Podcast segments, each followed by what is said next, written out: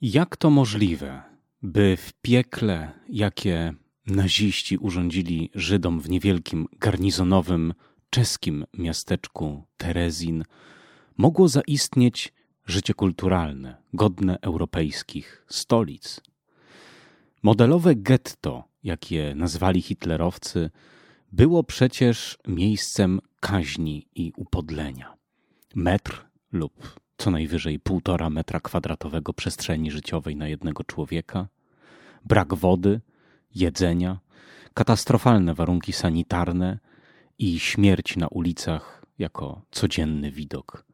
Przecież to wszystko nie mogło stanowić żadnej inspiracji dla kompozytorów, czy dla malarzy albo pisarzy. A jednak oto w Terezinie spotkała się artystyczna śmietanka ówczesnej Europy Środkowej. Znakomici śpiewacy, pianiści, kompozytorzy, dyrygenci. Uprawianie muzyki było sposobem przeżycia, było sposobem na zapomnienie o koszmarze, jaki zgotowali im hitlerowcy. Było wreszcie rozpaczliwą próbą udowodnienia swojej przydatności i ostatnią deską ratunku przed transportem do jeszcze straszliwszego miejsca Oświęcimia. W kolejnej odsłonie cyklu Muzyka czasu wojny przyjrzymy się bliżej muzyce z Terezina, jednemu z największych fenomenów muzycznych czasów II wojny światowej. Oto pierwszy odcinek tego cyklu, który według planu ma obejmować trzy części. W tej pierwszej opowiem o historii Terezjenstadt, warunkach panujących w getcie i wreszcie o tym, jak rodziło się w nim życie kulturalne. Posłuchamy także muzyki pisanej przez jednego z najzdolniejszych czeskich pianistów, jacy do Terezjenstadt zostali deportowani, Gideona Kleina. Przy mikrofonie Mateusz Ciupka to jest Szafa Melomana, pierwszy polski podcast poświęcony muzyce klasycznej. Zapraszam bardzo serdecznie.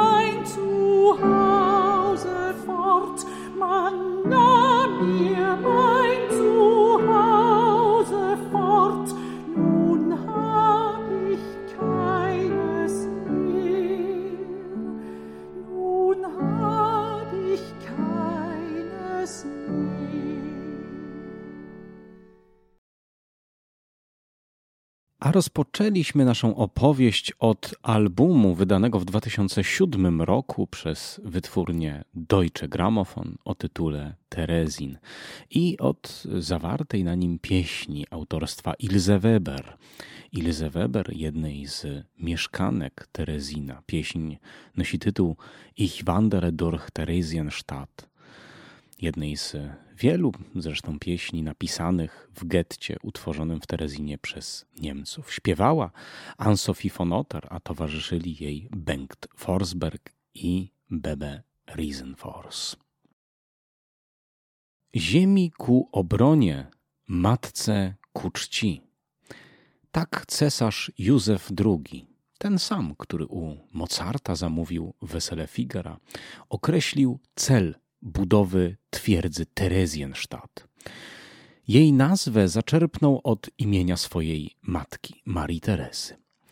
Budowa trwała blisko 10 lat, zaczęła się w 1780 roku. Teren do budowy fortecy był znakomity. Płaska zielona przestrzeń pozwalająca obserwować daleko, niewielka rzeka, którą dało się wyregulować, by służyła obrońcom, bliskie sąsiedztwo żeglownej rzeki Łaby i zaledwie kilkadziesiąt kilometrów odległości od Pragi, a wreszcie blisko Saksonii. W myśl zasady, że przyjaciół należy trzymać blisko, a wrogów jeszcze bliżej. Cesarz zapragnął zbudować tę twierdzę, ponieważ był to czas rywalizacji pomiędzy Austrią a Prusami o prymat w germańskim świecie. Groźba, że niewielkie konflikty sporadycznie się przydarzające i kulturalna rywalizacja przemienią się w regularną wojnę, były całkiem realne. Gdyby do tego konfliktu doszło, z pewnością o Terezjenstadt trzeba byłoby się bić. Prusy musiałyby sforsować tę twierdzę. Dlatego też Józef II nie szczędził ani środków, ani umiejętności budowniczych, aby postawić jedną z najnowocześniejszych fortyfikacji w całym Cesarstwie Austriackim. Twierdza zbudowana została na planie gwiazdy. Kształt ten umożliwiał obrońcom pokrycie ogniem całego terenu wokół murów. Eliminował białe plamy, czyli niewidoczne miejsca, gdzie zakraść się mogli przeciwnicy i na przykład podłożyć ładunek wybuchowy. Główna, tak zwana wielka twierdza Terezina, z daleka jest niemal niewidoczna, ponieważ cała została osadzona w fosie poniżej poziomu gruntu. Fosę można było dodatkowo zalać wodą z rzeki Ochry. Dodatkowo grube na 30 metrów mury wzmacniał znajdujący się za nimi wał ziemi. Dlaczego? Kula armatnia może skruszyć mur, ale w lepkiej, gęstej glinie utknie i nie wyrządzi murom szkody. Twierdza nie jest symetryczna. Jej obiekty znajdują się na różnych wysokościach, tak aby można było z każdego miejsca dostrzec przeciwnika i zaskoczyć go ogniem, jednocześnie samemu chowając się za murami. Co więcej, to co widzimy na powierzchni, to tylko fragment twierdzy. Druga, nie mniej rozbudowana konstrukcja umieszczona została pod ziemią i składa się na nią 30 kilometrów korytarzy o bardzo różnym przeznaczeniu. Od wąskich przejść umożliwiających podsłuchiwanie wroga, przez korytarze transportowe, po takie, które pozwalały przedostać się w kierunku przeciwnika i przeprowadzić kontratak na jego tyłach. To miała być twierdza nie do zdobycia. Była przygotowana na to, by wróg nigdy do niej nie wkroczył. A gdyby jednak jakimś cudem mu się to udało, nigdy nie wyszedł z niej żywy. Cesarz Józef II osobiście wmurował kamień węgielny 10 października 1780 roku, gdy budowa szła już pełną parą. Dwa lata później nadał twierdzy status wolnego miasta królewskiego, a w 1790 w obecności dowódcy korpusu inżynieryjnego, autora projektu twierdzy hrabiego Pellegriniego, przetestowano możliwości nowej fortyfikacji, dokonując m.in. próbnego zalania rowów i fos. Przez cały czas swojego istnienia twierdza Terezin nigdy nie wzięła udziału w bitwie. Nigdy jej nie atakowano ani nie oblegano. Owszem, kilka razy robiło się wokół niej gorąco. Na przykład w 1809, gdy trwała kampania napoleońska. Dokonano wówczas kilku ważnych napraw, modernizacji, modyfikacji. Przez kolejne cztery dekady w zasadzie nic się nie działo. Następnie znów dokonano jakichś przeróbek. W 1866 roku, gdy wreszcie wybuchła wojna z przeciwnikiem z myślą, o którym twierdza była budowana, czyli z Prusami, jej garnizon wziął udział w walce. urządził wypad bojowy do pobliskich Neratowic, gdzie wysadził most kolejowy. Było to jednak działanie kompletnie pozbawione sensu i celu, ponieważ w międzyczasie zawarto rozejm, tylko informacja o y, tym rozejmie do twierdzy nie dotarła. Pod koniec XIX wieku twierdza przestała pełnić funkcje obronne. Stało się jasne, że nowoczesne armie nie będą prowadziły wielotygodniowych czy wielomiesięcznych nawet oblężeń, że zmieniła się strategia pola walki. Liczący kilka tysięcy żołnierzy garnizon, w zasadzie mogący maksymalnie pomieścić 11 tysięcy wojska, przestał być potrzebny w czasie wojny. Twierdza miała jednak wszystko, co było potrzebne, aby stać się przydatna w inny sposób była doskonałym miejscem na więzienie, a konkretnie znajdująca się za rzeką, tuż obok wielkiej twierdzy, tak zwana Mała Twierdza. Pilnowana przez wojskowy garnizon stacjonujący w wielkiej twierdzy, zbudowana tak, aby każdy jej fragment był dla strażników widoczny, stała się dla cesarstwa Habsburgów tym, czym Alcatraz dla Amerykanów. Jednym z najlepiej strzeżonych więzień, szczególnie właściwych dla tych najniebezpieczniejszych wrogów państwa. Dlatego to właśnie tam przywieziono zabójcę arcyksięcia Ferdynanda, którego zbrodnia wywołała pierwszą wojnę światową, do której była pretekstem. Chodzi oczywiście tutaj o Gavriło Principa, serbskiego nacjonalistę, który z powodu zbyt młodego wieku nie mógł zostać skazany na śmierć, a zatem otrzymał wyrok 20 lat ciężkiego więzienia. I tym ciężkim więzieniem był właśnie Terezin. Z powodu koszmarnego zimna, wilgoci, niedostatku pożywienia zapadł na gruźlicę i w kwietniu 1918 roku zmarł w pokoju numer 33. Tuż przed śmiercią na ścianie obok swojego łóżka wyrył napis Nasze duchy będą się błąkać po Wiedniu i straszyć jaśnie panów. Po zakończeniu I wojny światowej Terezienstadt znalazł się w granicach nowo powołanego państwa, czyli Czechosłowacji. Nie na długo. Tereny te, zwane przez Niemców Sudetenland, zamieszkiwała znaczna niemiecka mniejszość. Stało się to dla Hitlera znakomitym pretekstem do realizacji planu rozszerzenia przestrzeni życiowej. Chcąc uniknąć wojny, zachodnie mocarstwa zgodziły się oddać Sudety Hitlerowi, nie mając pojęcia, że był to tylko element układanki mającej przygotować III Rzeszę do nowej wojny. Aby w niej zyskać przewagę, Hitler potrzebował czeskich zakładów zbrojeniowych, słynących ze znakomitych technologii, dysponujących ogromną mocą produkcyjną. Potem więc, jak Führer zajął kraj sudecki, nie zawahał się w 1938 roku sięgnąć po całą Czechosłowację. Terezjenstadt znajdował się już wówczas w obrębie Rzeszy. Nikt nie myślał nawet o tym, aby zmienić w jakikolwiek sposób przeznaczenie twierdzy. Niemcy prędko zaczęli zapełniać małą twierdzę czyli więzienie, wrogami nazistowskiego państwa. Tam też ulokowano praski oddział gestapo, zaś w dużej twierdzy, w wielkiej twierdzy, stacjonował garnizon Wehrmachtu liczący około 3,5 tysiąca żołnierzy, a także trochę cywili zamieszkałych tam już wcześniej, pracujących i związanych z wojskiem. Zimą 1941 roku stało się jasne, że wojna, którą Hitler rozpętał w Europie, nie skończy się prędko. Po podboju Polski i Francji w 1939 i 1940 roku przyszła klęska w bitwie o Anglię. Błyskawiczna kampania na wschodzie przeciw Związkowi Radzieckiemu, rozpoczęta 22 czerwca 1941 roku, przyniosła co prawda wielkie sukcesy, ale ofensywa na skutek ciężkiej zimy zatrzymała się na wszystkich frontach a Stalin szykował się do przeciwnatarcia pod Moskwą, której nie udało się zdobyć w jednym mocnym uderzeniu, tak jak Hitler planował. Ponieważ wojna się przedłużała, nie można było dłużej odkładać w czasie rozwiązania kwestii żydowskiej.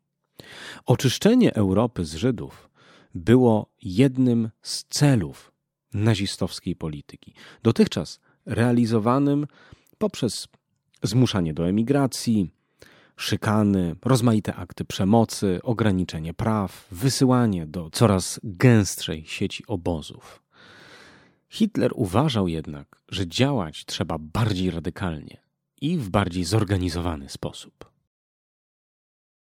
W październiku 1941 doszło w Głównym Urzędzie Bezpieczeństwa Rzeszy do spotkania. W jego trakcie ustalono, że należy rozpocząć organizowanie transportów Żydów z Austrii, Niemiec, innych podbijanych terenów do specjalnych get utworzonych w Europie Środkowo-Wschodniej. Plany przedstawione przez Adolfa Eichmana, szefa sekcji żydowskiej Głównego Urzędu Bezpieczeństwa oraz Hansa Günthera, szefa Biura Emigracji Żydowskiej w Pradze, zostały zaaprobowane przez szefa urzędu Reinharda Heydricha. Była w nich także koncepcja utworzenia getta w Terezinie. Miało być początkowo czymś w rodzaju centrum przesiadkowego, miejscem koncentracji transportowanej ludności, gdzie następnie będzie ona spisywana, rejestrowana, dzielona i wysyłana w rozmaite inne miejsca znajdujące się jeszcze dalej na wschodzie. Za realizację tych planów zabrano się bardzo prędko. Już w listopadzie 1941 do Terezina przybył pierwszy transport składający się z 342 młodych żydowskich mężczyzn, których zadaniem było przygotowanie miasta na to, aby przemieniło się w getto. Kolejny transport przybył początkiem grudnia i był już trzykrotnie większy. Przybywający mogli zabrać ze sobą ważący maksymalnie 50 kg bagaż, który musieli w rękach przynieść ze stacji kolejowej w Bohusiowicach, oddalonych o 2,5 kilometra. Oni wszyscy, ten pierwszy transport, utworzył Aufbaukommando, a zatem komando budowlane. Byli to wyselekcjonowani specjaliści, inżynierowie, rzemieślnicy, budowlańcy. Ich zadaniem było takie przerobienie instalacji i warunków mieszkaniowych, aby miasto, w którym maksymalnie mogło w komfortowych warunkach mieszkać około 6, może 7 tysięcy osób, było w stanie przyjąć 10 razy tyle. Początkowo w Terezinie mieszkali oni w 11 barakach w twierdzy, barakach w koszarach garnizonowych, wojskowych. Podczas gdy resztę miasta zajmowali jego normalni, cywilni mieszkańcy oraz niemieccy żołnierze. Nie wolno im było utrzymywać z przyjezdnymi żadnego kontaktu. Ci zaś pracowali, a jednocześnie do miasta zaczynały przyjeżdżać kolejne transporty. Tylko do końca 1941 roku przywieziono do Terezina ponad 7 tysięcy Żydów, głównie z Brna i Pragi. W ten sposób populacja twierdzy zwiększyła się dwukrotnie. W styczniu 1942 roku w podberlińskiej miejscowości Wannsee wysocy przedstawiciele partii nazistowskiej oraz SS z inicjatywy Heydricha odbyli konferencję, na której zdecydowano o losie Żydów z podbitych terenów. Konferencja była wyrazem woli Hitlera, którą kilka miesięcy wcześniej zdradził w rozmowie z Heinrichem Himmlerem, szefem SS w Wilczym Szańcu. Otóż początkowy plan zakładał, że sprawą żydowską Niemcy zajmą się po wojnie. Jednak zatrzymanie uderzenia Wehrmachtu pod Moskwą i zimowa kontrofensywa Armii Czerwonej sprawiły, że Hitler chciał zacząć działać szybciej. Naturalnie konferencja w Wannsee nie była przełomem w zakresie traktowania Żydów. Wspominałem już o tym, że spotykało ich całe mnóstwo rozmaitych szykan, dyskryminacji itd. Konferencja była raczej potwierdzeniem i wprowadzeniem w życie działań, które po prostu od pewnego czasu już miały miejsce. Wszak pierwszych prób, na przykład z użyciem gazu, aby mordować masowo, dokonano latem 1941 roku w obozie w Oświęcimiu. Wówczas jeszcze nie nazwano tego ostatecznym rozwiązaniem kwestii żydowskiej, a to właśnie określenie wiąże się z konferencją w Wannsee, tylko programem eutanazji. Jednak tak naprawdę prześladowania różnego rodzaju spotykały Żydów od chwili przejęcia władzy przez nazistów w Niemczech w 1933 roku. Sam Heydrich otworzył konferencję, wyliczając z satysfakcją, że na skutek tych prześladowań już pół miliona Żydów z Niemiec wyemigrowało w latach 1933-41. Zastanawiano się podczas konferencji, co należy zrobić z tymi, którzy pozostali oraz z Żydami z podbitych terenów. Oczywiście uznano ich za wrogów państwa niemieckiego i zadecydowano, że należy ich traktować bezwzględnie, wysyłać do obozów znajdujących się w generalnej guberni, wykorzystywać do pracy, a tych, którzy nie są do niej zdolni lub się do niej nie nadają, eliminować. Znamy dokładny przebieg tej konferencji, ponieważ była ona protokołowana, spisywana. Choć większość uczestników swoje kopie zniszczyła, gdy wojna dobiegła końca z 30 spisanych egzemplarzy, zachował się jeden, noszący numer 16 i posłużył jako dowód w procesie norymberskim już po wojnie. Choć w tym stenogramie nie padają słowa o komorach gazowych albo masowych mordach, urzędniczy, oficjalny język to właśnie sugeruje.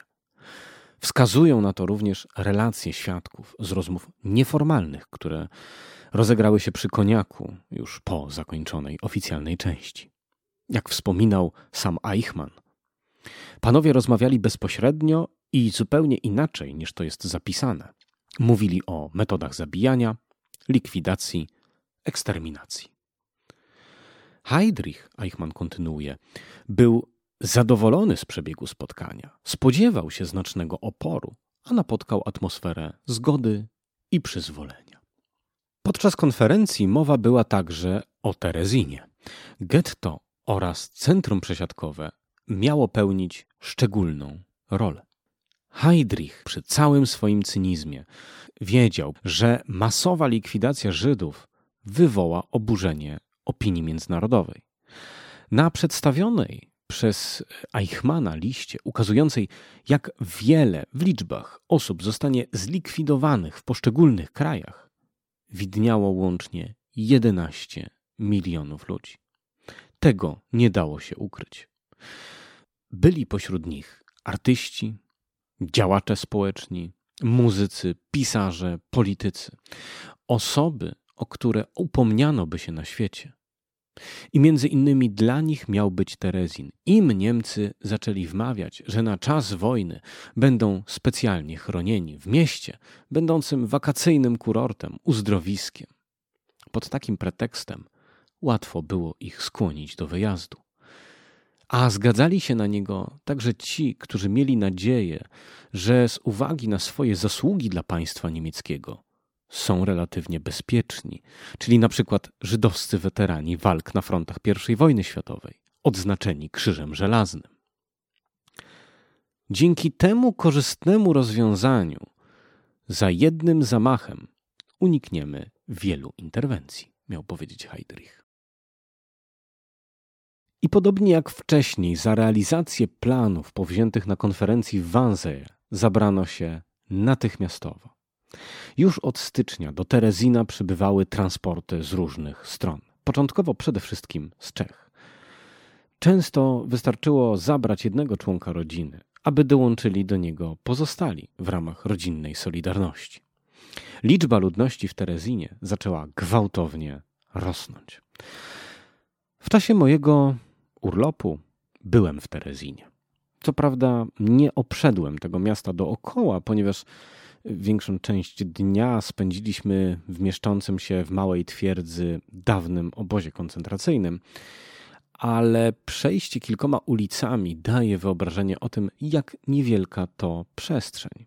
prędkim krokiem pokonać można cały Terezin, a konkretnie wielką twierdzę, zapewne w ciągu 20 minut. Tymczasem w mieście, w którym maksymalnie przewidziano 6-7 tysięcy mieszkańców, no 11 tysięcy na czas wojny, gdy stacjonowaliby tam przede wszystkim żołnierze. W sierpniu 1942 znalazło się tam już 58 tysięcy osób. Jeszcze kilka miesięcy wcześniej, w czerwcu, oczywiste stało się, że w Terezinie nie mogą pozostać żadni normalni cywilni mieszkańcy. Wszystkich wysiedlono, a miasto zamknięto dla osób z zewnątrz. Pierwszym, najważniejszym problemem było zatem przeludnienie. Niemal każdy wolny kawałek podłogi w budynkach mieszkalnych zajmowały piętrowe łóżka. Na osobę przypadało od 2 do 1,5 metra kwadratowego przestrzeni. Na tej przestrzeni trzeba było spać, jeść, czytać, rozmawiać, przechowywać osobiste przedmioty, pracować. Brakowało wody, brakowało jedzenia. Niemożliwe było utrzymanie higieny. Jeden z wielu pamiętnikarzy Terezina, Norbert Toller, wspominał, że miejsce zamieszkiwania całkowicie pokrywało robactwo. Był on architektem i rysownikiem, który starał się działać w ramach funkcjonującego w Terezinie żydowskiego samorządu, Judenratu. Pomagać mieszkańcom polepszać na ile się dało ich warunki życia. Gdy wracaliśmy z obchodu mieszkań, nasze wygolone głowy były całe pokąsane i byliśmy cali pokryci we wszach. Usunąć je można było tylko dzięki nafcie oczyszczonej. Jedzenie racjonowano. Brakowało w getcie zaplecza kuchennego, a zatem najwięcej dostawali pracujący, a najmniej osoby starsze. Pisał o tym Edgar Krasa, dyplomowany kucharz, który trafił z pierwszym transportem do getta i był odpowiedzialny za kuchnię i nadzorowanie zaopatrzenia. Jego relacje przytacza w swojej książce Our Will to Live Mark Ludwig. O tej publikacji, znakomitej zresztą, opowiem nieco później. Gdy przyjechałem, dysponowaliśmy tylko jednym 300-litrowym garem, aby nakarmić pierwsze transporty. Wiecznie szukałem czegoś do przygotowania posiłku, bo wszystkiego brakowało z powodu nieustannych braków zaopatrzenia. Gdy zaczęły przybywać wielotysięczne transporty, walczyliśmy, aby nie dopuścić do klęski głodu. Jedzenie nie było pożywne, no ale czymś trzeba było napełnić żołądek. Były ziemniaki, ale ponieważ pochodziły z chlewu, karmiono nimi świnie, to były na wpół zgniłe. Kobiety więc siedziały i obcinały to, co zgniłe, a zdrową część przekazywali nam i była jeszcze gotowa do użycia. Było trochę mąki, cukru, można było dostać małą tackę z margaryną albo łyżeczkę marmolady. Zupę gotowano z proszku. Nikt nie wie, co w nim było.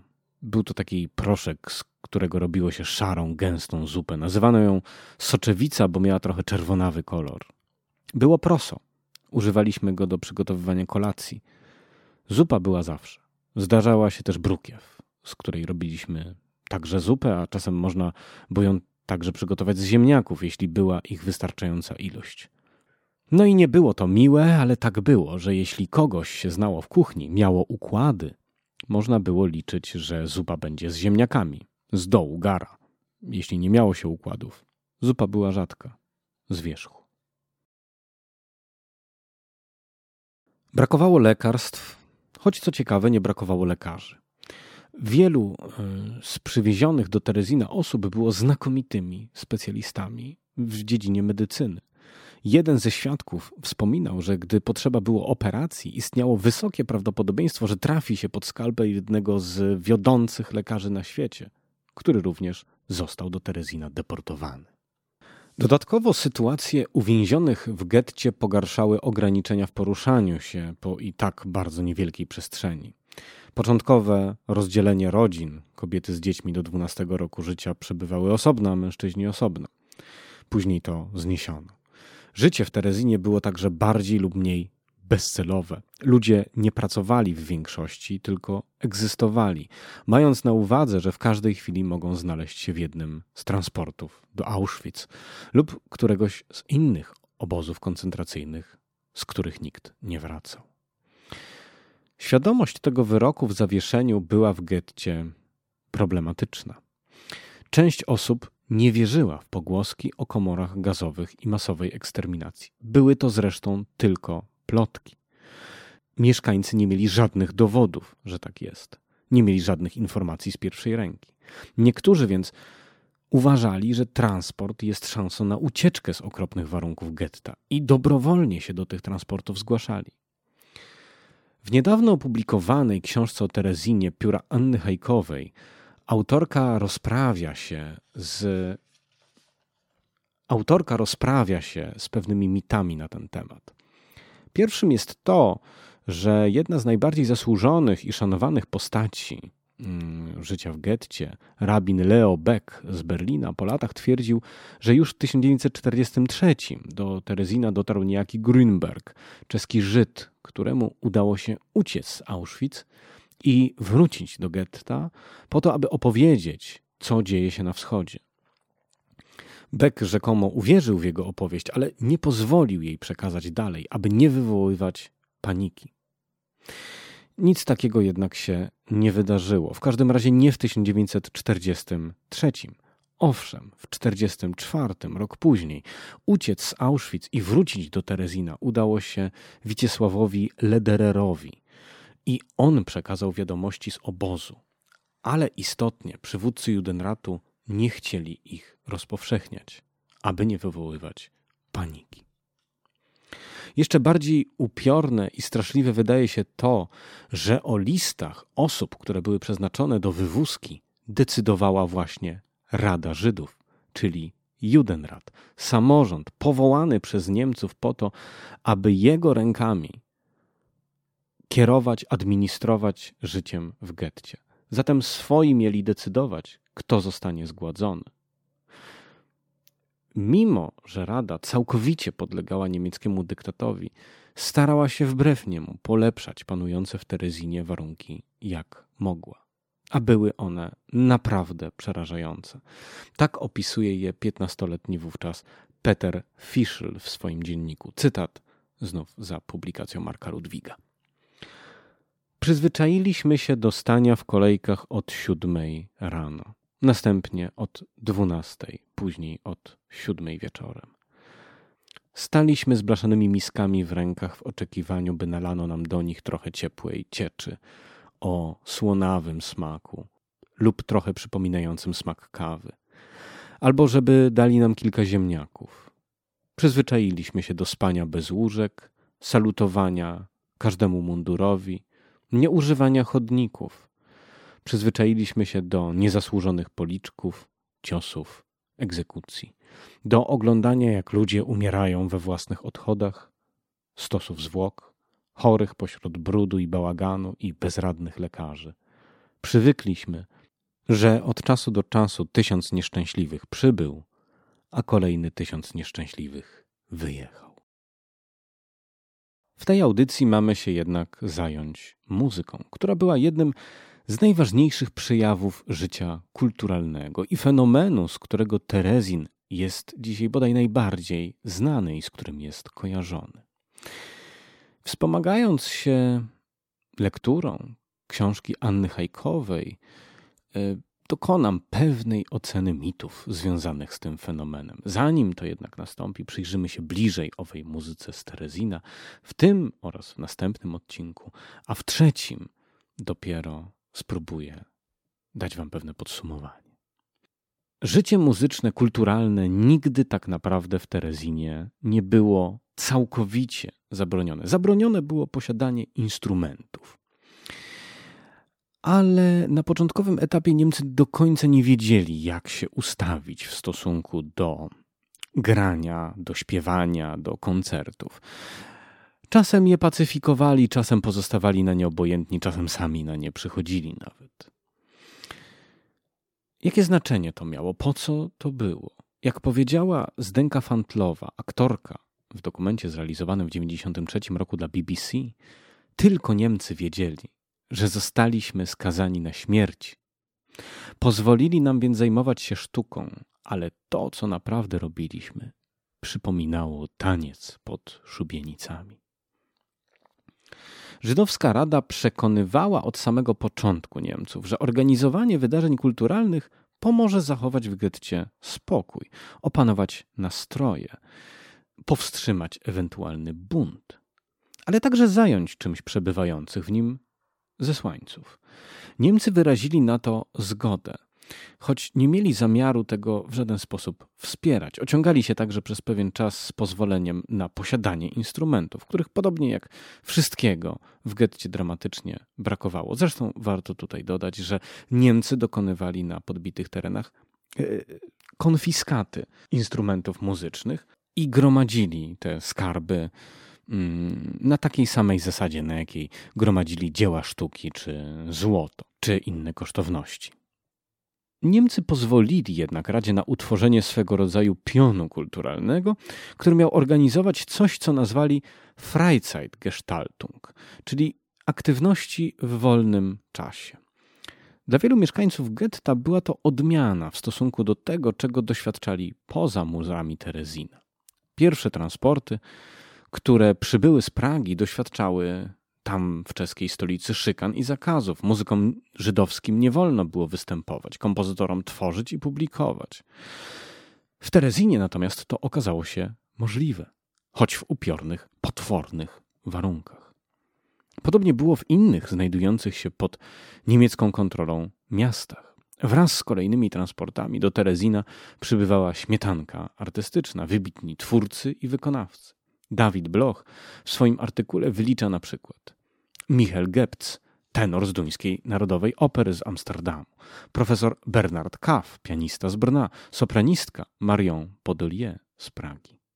Już w listopadzie 1941 do Terezina w pierwszym transporcie trafił Rafael Schechter. Miał wówczas 36 lat. Co prawda urodził się w Rumunii, ale wychował i wykształcił w Brnie. Po zakończeniu I wojny światowej udał się natomiast do Pragi, by studiować grę na fortepianie. Ukończył konserwatorium i zaangażował się w tworzenie teatru awangardowego Emila Franciszka Burjana, poety, dziennikarza, aktora i reżysera. W 1937 natomiast, na rok przed zajęciem przez Hitlera Czechosłowacji, założył zespół, który nazywał się Opera Kameralna. Długo przed eksplozją wykonawstwa historycznego po II wojnie światowej interesował się Szechter barokową operą. Jego teatr miał właśnie taki cel wskrzeszanie zapomnianych barokowych oper. Podobnie jak wszyscy Żydzi, po wkroczeniu Niemców musiał wstrzymać swoją działalność. Mógł dawać tylko prywatne lekcje i koncerty. Choć mówi się, że pierwsze koncerty tajne jeszcze odbyły się w Terezinie już w grudniu 1941, to właśnie Szechter był pierwszym, który zaczął działać systematycznie. I to niemal od razu po tym, jak dotarł do getta, po tym, jak został w Pradze aresztowany. Mając świetny zmysł organizacyjny, będąc całkowicie oddany muzyce, na samym początku przemycił z jednej z piwnic pianino i sprowadził je do męskiej części obozu. Pośród mężczyzn zaczął także organizować chór, nie dysponując wszakże nutami, partyturami. Chodziło o to po prostu, by śpiewać dla poprawy nastroju, dla wzmocnienia ducha. Czego brakowało w nutach, Szechter pisał z pamięci. Na tym jednak nie poprzestał. Z pomocą innych mieszkańców getta udało mu się przekraść do żeńskiej części getta i tam zacząć tworzyć żeński chór. Gdy segregacja płciowa została przez Niemców zniesiona, oba te chóry udało mu się połączyć i utworzyć jeden, z którym zaczął pracować nad, wydawałoby się czymś kompletnie nierealnym, kompletnie fantastycznym wystawieniem opery komicznej, tudzież operetki, jak Niemcy to widzieli, sprzedana narzeczona Bedrzicha Smetany. Była to pierwsza opera, którą zagrano w Terezinie. Sprzedana narzeczona skomponowana w 1865, pierwszy kompletny szkic, Swoją międzynarodową sławę zawdzięczała wystawieniu na Międzynarodowej Wystawie Muzyki i Teatru w 1892 roku. Była grana i lubiana zarówno w Pradze, jak i w Berlinie, ale także w Nowym Jorku. Skąd ta zabawna, miłosna historyjka w Terezinie? Dlaczego właśnie operetka? Odpowiedź nieoczekiwanie przynosi operowy przewodnik Piotra Kamińskiego. Autor pisze tak. Długa praca nad sprzedaną narzeczoną, którą wykonał Smetana, zaowocowała jednym z najrozkoszniejszych dzieł w repertuarze. Istna bombonierka z łakociami. Oto świat, gdzie chciałoby się żyć i gdzie żadne nieszczęście nikogo nie spotka. Oto więc powód, pocieszenie, podniesienie na duchu, zabranie ludzi do świata, gdzie nic złego nie mogło się wydarzyć. Próby w warunkach, gdzie Szechter jako jedyny dysponował partyturą, trwały bardzo długo. Pomysłu wykonania dzieła nie zdradzono także władzom niemieckim i odbywały się w sekrecie, ze strachu, że mogą zostać zakazane. Nawet po ustaleniu i sformalizowaniu życia kulturalnego w formie Freizeitgestaltung, dalej trzymano przygotowania sprzedanej narzeczonej w tajemnicy. Pracowano nad dziełem intensywnie od lata 1942 i w listopadzie wszystko było gotowe. Opera bez scenografii, bez kostiumów, bez orkiestry. Za to z chórem, solistami i jednym katastrofalnie rozklekotanym fortepianem bez nóg ustawionym na drewnianych skrzynkach. Prapremiery dokonano 25 listopada 1942 roku. Gigantyczny aplauz, radość z jej zagrania sprawiły, że administracja pozwoliła na dalsze wystawienia. Pamiętajmy, to musiał być mroczny czas. W listopadzie zrobiło się potwornie zimno. Dzień stał się krótszy. Mieszkańców na pewno ogarniać zaczęła czarna rozpacz. Tym bardziej, że coraz więcej transportów przybywało do getta i z niego odjeżdżało. Liczba ludności wynosiła już kilkadziesiąt tysięcy. Tego rodzaju polepszacz nastroju był jak najbardziej przydatny i korzystny dla wszystkich. Sprzedana narzeczona pod kierunkiem Szechtera została powtórzona 35 razy. Pewien trzynastolatek zapisał w swoim dzienniku. Trzykrotnie w Pradze byłem na sprzedanej narzeczonej, ale nigdy nie była tak piękna jak w Terezinie. To cud, że Szechterowi udało się to tak przygotować. Gdy wracałem ze spektaklu, słuchając na ulicach rozmów o jedzeniu, czarnym rynku, handlu, przepustkach, pracy na polach, czułem się, jakbym się wybudził nagle z pięknego snu i znów wszystko było tak jak wcześniej. Ciągle myślałem o tej operze i nawet w półśnie w głowie słyszałem duet miłosny, wiernie milowani.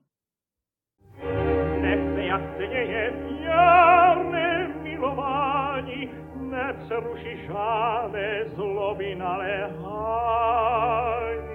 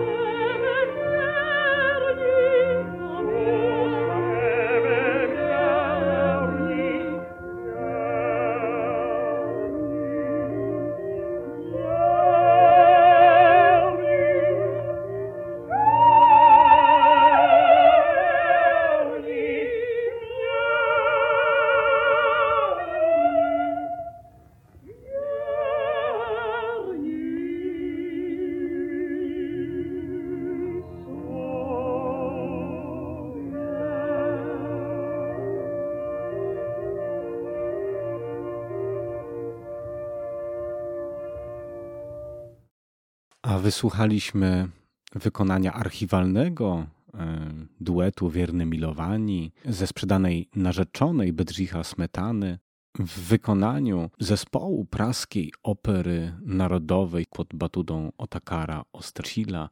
To nagranie pochodzi z roku 1933 i zostało poddane reedycji, wydane ponownie przez wytwórnię Naxos w roku 2001.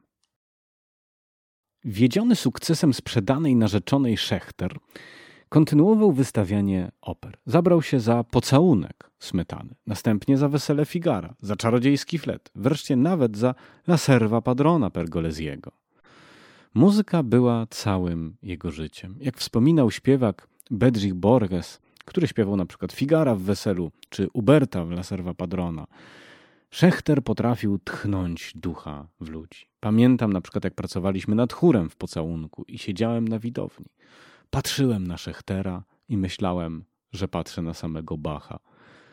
Muzyka trzymała go przy życiu. Był wtedy twardy jak skała. W 1943 roku SS nakazało Szechterowi przygotowanie rekwiem Giuseppe Verdiego.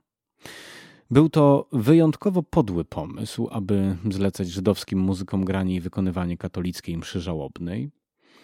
Wszyscy czuli, że jest w tym coś krzywdzącego, ale Szechter wolał widzieć w tym no, kolejne artystyczne wyzwanie, dotyczące zresztą muzycznego arcydzieła, potwornie trudnego w tej sytuacji. Ponieważ w takich warunkach przygotowanie trudnego dzieła jest pewnego rodzaju aktem heroizmu, mieszkańcy uznali, że będzie to symbol oporu, że udowodnią Niemcom, że potrafią. Co więcej, że zrobią to w dużym składzie, bowiem Szechter zgromadził chór liczący 150 osób. I powiedział muzykom tak: Zaśpiewamy Niemcom to, czego nie możemy im powiedzieć. Podobnie jak w przypadku sprzedanej narzeczonej, pracowano w trudnych warunkach, bez odpowiednich zestawów nutowych. Materiały w miarę dostępności papieru przepisywano z jednej jedynej partytury, jaką dysponował Szechter. I się udało. Po czym, krótko po udanym koncercie, niemal cały skład chóru znalazł się na liście transportowej do Oświęcimia, gdzie większość zginęła w komorach gazowych. Szechter był nieugięty i sformował kolejny chór, z którym kilka razy grał rekwiem. Łącznie wykonano je 15 razy, a skład chóru zmieniał się kilkukrotnie z powodu kolejnych transportów. Ostatnie jego wykonanie odbyło się w 1944 i było jednym z najtragiczniejszych wydarzeń w historii Terezina. O tym opowiem jednak w trzeciej części tej historii. Szechter nie działał oczywiście sam.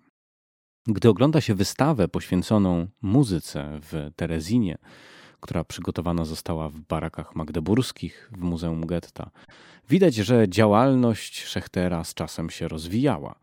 Po tym, jak na strychu jednego z budynków garnizonowych urządzono teatr, opery były wystawiane z większym rozmachem. La Serva Padrona to już nie tylko muzycy i zdezelowany stojący na skrzynkach fortepian – to starannie zaprojektowany program, własnoręcznie wykonany rękami artystów plastyków z Terezina.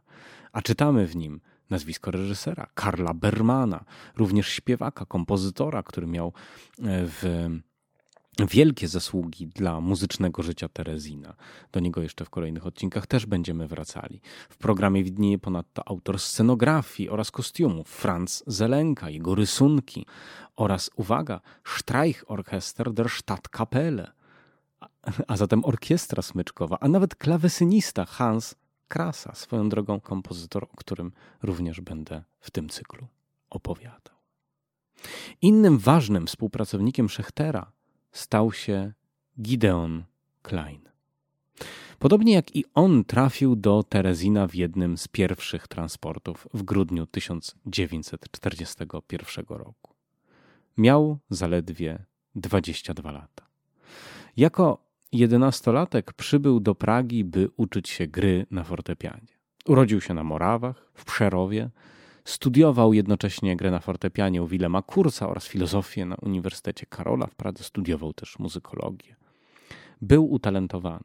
Studia z fortepianu, rozpoczęte w 1938 roku, zakończył zaledwie po roku nauki, wykonując na dyplomie czwarty koncert fortepianowy Beethovena. Filozofii nie ukończył, ponieważ Niemcy zamknęli programy studiów uczelnie tuż po rozpoczęciu okupacji Czechosłowacji. W poświęconym mu znakomitym artykule Kamila Stępień-Kutera przywołuje relację o tym, jaki był Gideon Klein. E, to relacja, którą zostawiła nam pianistka Truda Rajsowa-Solarowa i dotyczy, dotyczą te słowa okresu przedwojennego. Spotkałam go w Pradze w 1940 roku, gdy jako 17-letnia dziewczyna zaczynałam studiować u znakomitego nauczyciela fortepianu Wilema Kurca. Klein, wysoki, smukły, z czarnymi włosami, energiczny, lecz opanowany zarazem, miał powierzchowność robiącą wielkie wrażenie i szlachetną.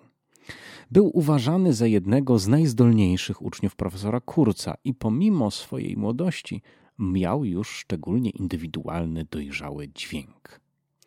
Jego zadziwiająca inteligencja, wielkie zainteresowanie różnymi dziedzinami sztuki, literaturą, a zwłaszcza muzyką, wywierały takie wrażenie na wszystkich, którzy go znali, że wydawało się, jakby emanowała od niego jakaś dziwna, magiczna siła. My wszyscy, bez żadnych wątpliwości, podziwialiśmy wyższość Kleina. Może dlatego, że on nigdy nie starał się być lepszy od nas. On po prostu taki był. Klein interesował się komponowaniem już jako nastolatek. Pierwsze próby w tym zakresie podejmował mając 15 lat. Jednak paradoksalnie to właśnie Terezin stał się dla niego miejscem, gdzie ta część jego działalności mogła się rozwinąć. Po przybyciu do getta poznał Szechtera, który natychmiast wciągnął go do swojego chóru. Po pierwsze, Szechter potrzebował akompaniatora, po drugie, aranżera. W obu tych rolach doskonale zapowiadający się solista sprawdził się dobrze. Ponieważ chór nie miał dostępu do gotowych materiałów nutowych, wszystko trzeba było tworzyć jakby od zera. Klein dla niego aranżował kilkanaście pieśni czeskich i hebrajskich, a w końcu pisał dla niego także nowe utwory. Wiemy, że brał udział także w przygotowaniach do sprzedanej narzeczonej, że brał udział w przygotowaniach do wystawienia Requiem Verdiego. Te nowe utwory z kolei wylicza Kamila Stępień-Kutera. To m.in. pieśń na chór męski do tekstu z czeskiej poezji ludowej, stylistycznie nawiązująca do stylu Leosza Janaczka. To dwa madrygały na chór mieszany, jeden do czeskiego tłumaczenia wiersza François Villona, drugi do czeskiego tłumaczenia wiersza Hölderlina. Jednak to nie churalne rzeczy utrwaliły nazwisko Kleina na kartach historii muzyki, tylko jego utwory instrumentalne. Dotychczas uważało się, że Klein kompozytor niejako narodził się w Terezinie. Ja powiedziałem, że jego talent w tym zakresie w Terezinie rozkwitł. Dzisiaj jednak wiemy, że talent miał od początku. W 1990 roku odkryto bowiem nieotwieraną od pół wieku walizkę z jego rękopisami, przekazaną praskiej rodzinie hercogów tuż przed deportacją na przechowanie. Znajdujące się tam juwenilia pokazują, że Klein był kompozytorem nieprzeciętnym. W tych rękopisach są pieśni na sopran i fortepian, oktet na instrumenty dęte, kwartet smyczkowy oraz duety smyczkowe, w tym jeden z nich używający ćwierć tonów, co miało zapewne związek z tym, że Klein w czasie studiów słuchał wykładów Aloisa Haby, czyli prekursora techniki ćwierćtonowej w muzyce czeskiej. Aczkolwiek sam Klein był, jeśli chodzi o kompozycję, samoukiem. A więc w Terezinie Klein rzuca się w wir muzycznej działalności, zarówno jako kompozytor, jak i jako solista, wykonawca. Łączył czasem te dwie role. Jednym z najlepszych utworów pokazujących, jak daleko mógł zajść ten samouk, jest jego sonata fortepianowa. Z jednej strony to kompozycja wykazująca silne związki ze stylem Janaczka, którego twórczość Gideon Klein zdecydowanie podziwiał, z drugiej wyrywająca się ku absolutnej nowoczesności spod znaku szkoły wiedeńskiej Schönberga. Zawiera serię dwunastodźwiękową, ale jednocześnie nawiązuje do czeskiej muzyki ludowej. Ekspresyjnie jest bogata, cała skala emocji, się tam ujawnia. Mamy trzyczęściową budowę z zachowaniem pewnych klasycznych elementów formy, czyli Allegra sonatowego w części pierwszej, nokturnowej, śpiewnej, części drugiej, wreszcie furiackiej, wirtuozowskiej, byśmy powiedzieli, części trzeciej. I jak pisze jeden z krytyków, ta, o tej trzeciej części to dance macabre przerywany nagle, zanim się w pełni rozwinie przez kawałek dziecinnej rymowanki. Tak samo jak niespodziewanie dance macabre powraca tylko po to, by znienacka się zakończyć. Posłuchajmy tej trzeciej części w wykonaniu Iwo Kachanka, czeskiego pianisty. Nagranie pochodzi z roku 2007.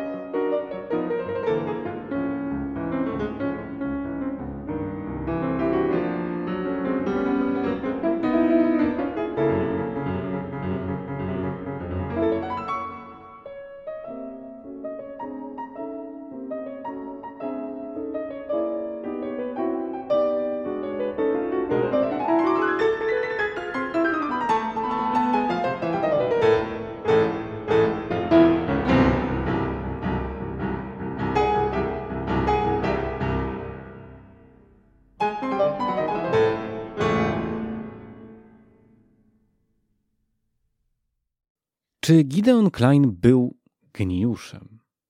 Bardzo łatwo nam dzisiaj tak powiedzieć, gdy ulegamy bohaterskiej narracji, która nieodzownie łączy się z Terezinem. Prędcy jesteśmy, by stwierdzić, że niemal każdy, kto w tym piekle na ziemi się znalazł, był herosem o niebywałych uzdolnieniach. Na pewno Klein miał wielki talent. Na pewno mógł być kimś niezwykłym. Los się do niego przecież uśmiechnął tuż przed aresztowaniem.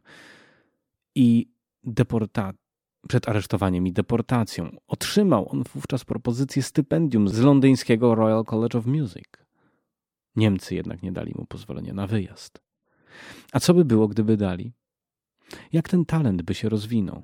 Setki koncertów, zamieniły się na kilkanaście występów w zatłoczonym, pełnym robactwa, smrodu, głodu i biedy getcie, w którym można było prędko zginąć za kromkę chleba. To jest ogromnie poruszające, ale musimy pamiętać, że Klein był także człowiekiem. Miał swoje słabości, wady, emocje.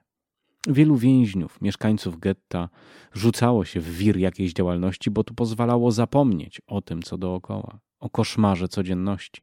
Pozwalało zachować godność, dawało nadzieję, że jeśli pozostanie się przydatnym, może uda się ocalić życie. Zatem raz jeszcze. Klein był człowiekiem, a nie herosem. Był przystojny. To się przewija w wielu relacjach o nim. Był wręcz piękny, miał urodę filmowej gwiazdy, wiele kobiet się w nim zakochiwało, a on wchodził w rozmaite związki z nimi.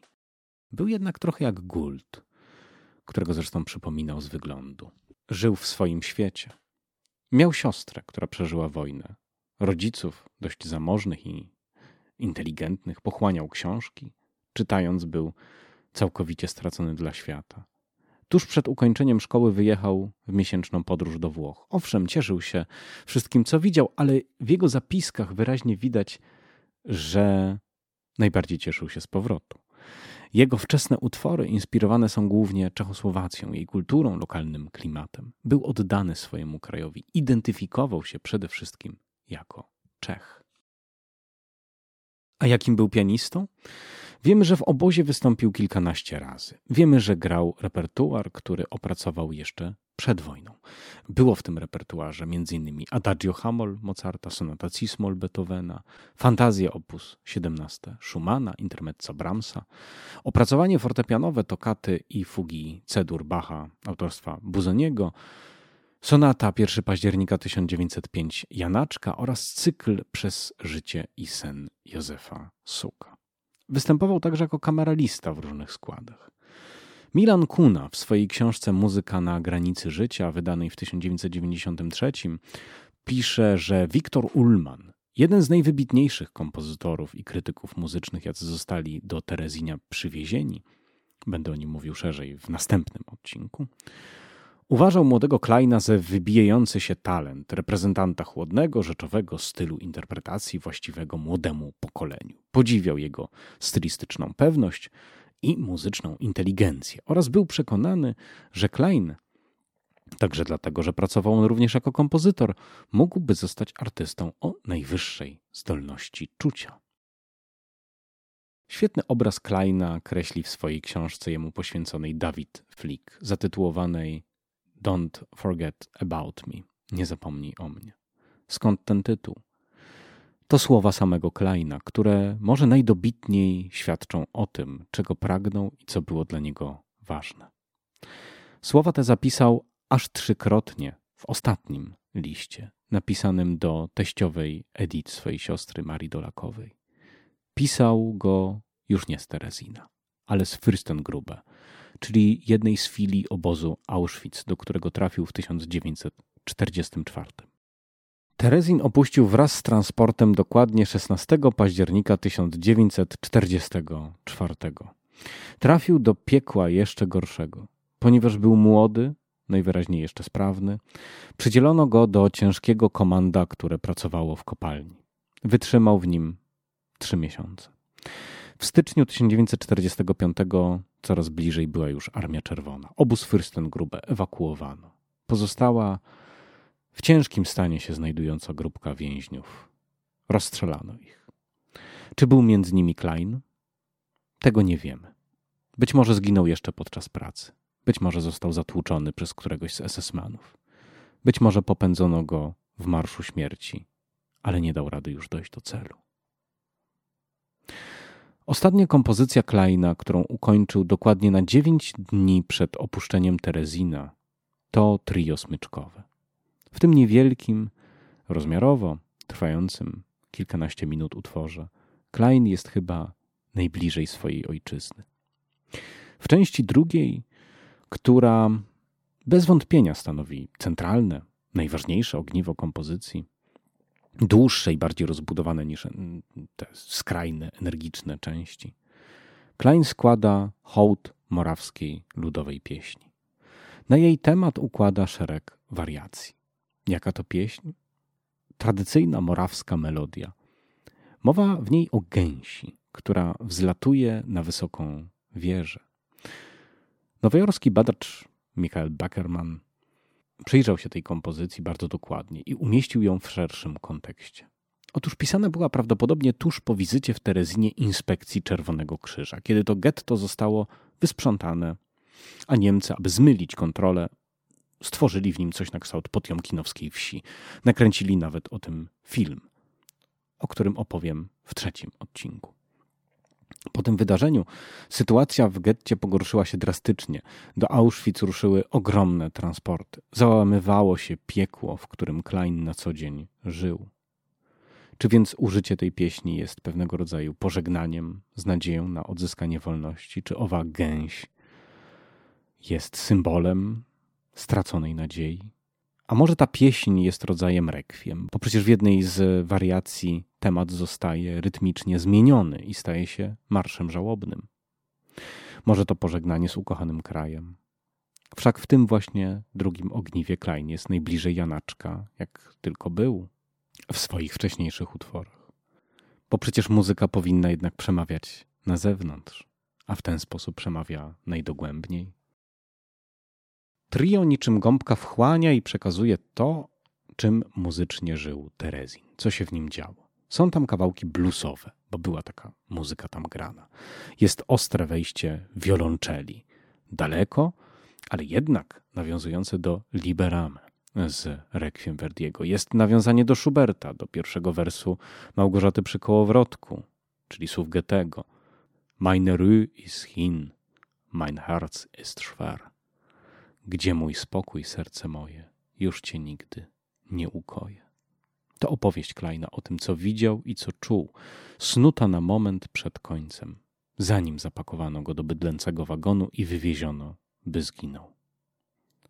Posłuchajmy na koniec tego odcinka drugiej części tria smyczkowego Gideona Kleina. Nagranie pochodzi z albumu Theresienstadt die Musik, wydanego nakładem wytwórni Romantic Robot w Anglii w 1991 roku. Grają Jan Krejci, skrzypce, Ladisław Dlouchy, altówka oraz Jan Schiritz, wiolonczela. Na kolejną część opowieści o Terezinie, jego muzyce i ludziach, którzy ją tworzyli, zapraszam już w najbliższy piątek. Kłania się nisko Mateusz Ciupka. To był setny odcinek podcastu Szafa Melomana. Kolejny odcinek serii Muzyka czasu wojny. A teraz już Gideon Klein, druga część tria smyczkowego.